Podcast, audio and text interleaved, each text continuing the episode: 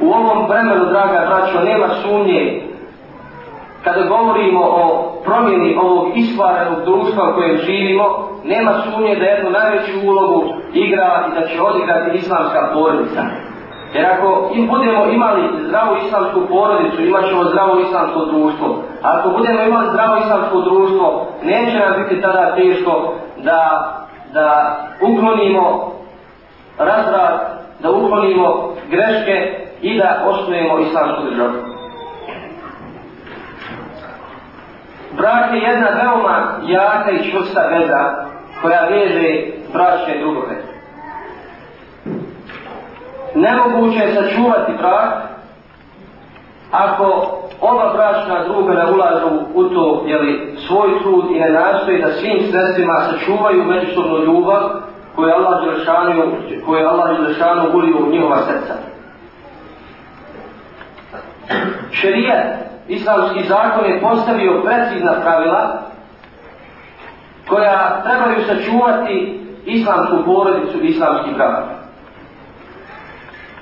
Kaže uzvišeni Allah Đelešanu i to je srž jeli, naše teme, ajd koji ćemo sada navesti, kaže uzvišeni Allah Đelešanu ومن آياته أن خلق لكم من أنفسكم أزواجا لتسكنوا إليها وجعل بينكم مودة ورحمة إن في ذلك لآيات لقوم يتفكرون kaže uzvišen Allah Želešanuhu. I jedan od dokaza njegovih je to što za vas od vrste vaše stvara žene da se uz njih smirite i što između vas uspostavlja ljubav i samilost. To su zaista pouke za ljude koji razmišljaju. U istinu, ono što je Allah Želešanuhu postavio, što je usadio u srca čovjeka i žene, ljubav i samilost je ajet Allahove Želešanuhu moći. Mi znamo da čovjek naginje žene i da žena naginje čovjeku. Da među njima vlada ljubav i samilost. I to je u istinu Allahove Želešanuhu moć. Čovjek, ako Allah Đelešanovu ne ulije u njegovo srce ljubav, ili ne ulije u srce žene ljubav prema čovjeku, nije u mogućnosti da to on sam svojim jeli, sposobnostima i svojim, svojim snagama učini.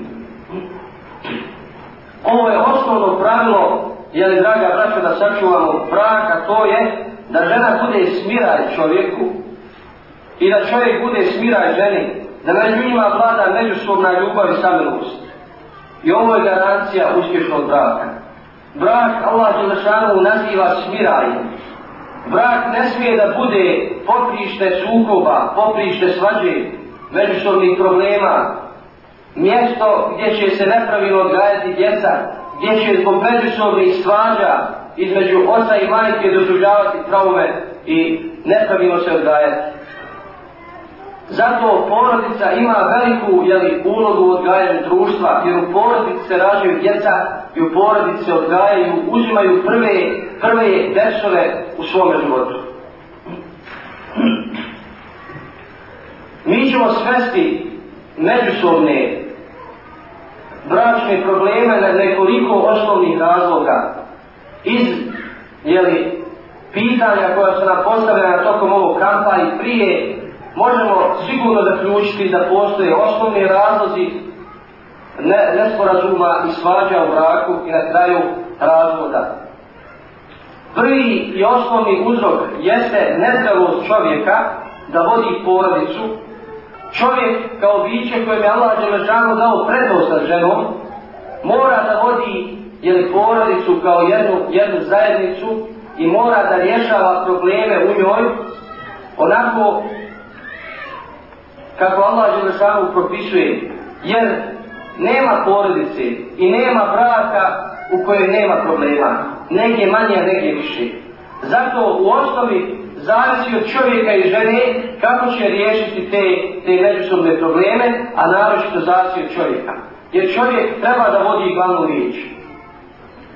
Drugi razlog problema u braku jeste nedovoljno islamsko znanje nedovoljno islamsko znanje. Mi znamo da Allah Đelešanu pohvaljuje ljude koji imaju znanje.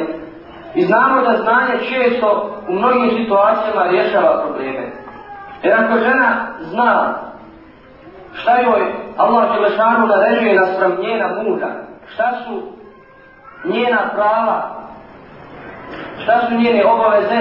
Nema sumnje da će to pospješiti jeli, brak i da će to biti uzrokom uspješnog i sretnog braka.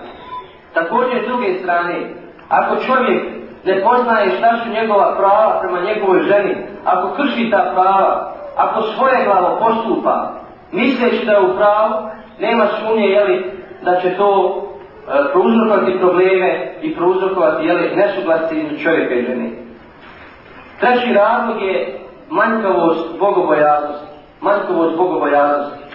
Često i čovjek i žena imaju znanje i znaju i svoje obaveze i znaju i svoja prava.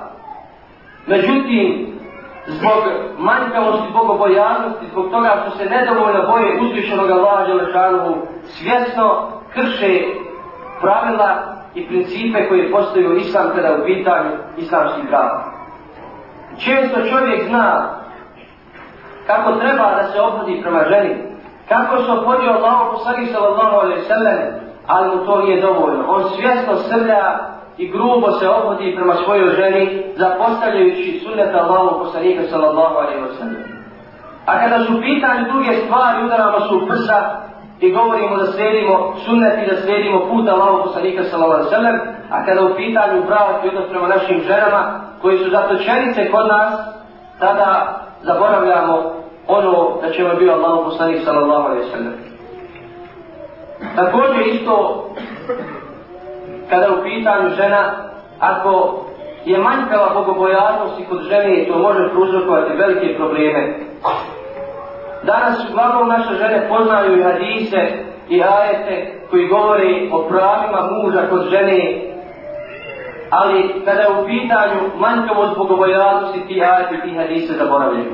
Četvrti uzrok je slijedjenje strasti. Slijedjenje strasti. Mi znamo da svaki čovjek i svaka žena u sebi ima urođenu strast i kada dođe do određenih problema između čovjeka i žene i kada žena ili čovjek uvide da su pogriješili, neće da odustanu od svoje greške i da priznaju svoju grešku jer je istina gorka, nego ustrajavaju zbog toga što slijedi svoju strast. Ovo su uglavnom četiri osnovna razloga E, bračnih problema i bračnih nesuglasica. Mada postoje drugi razlozi, ali ovo su četiri osnovna razloga.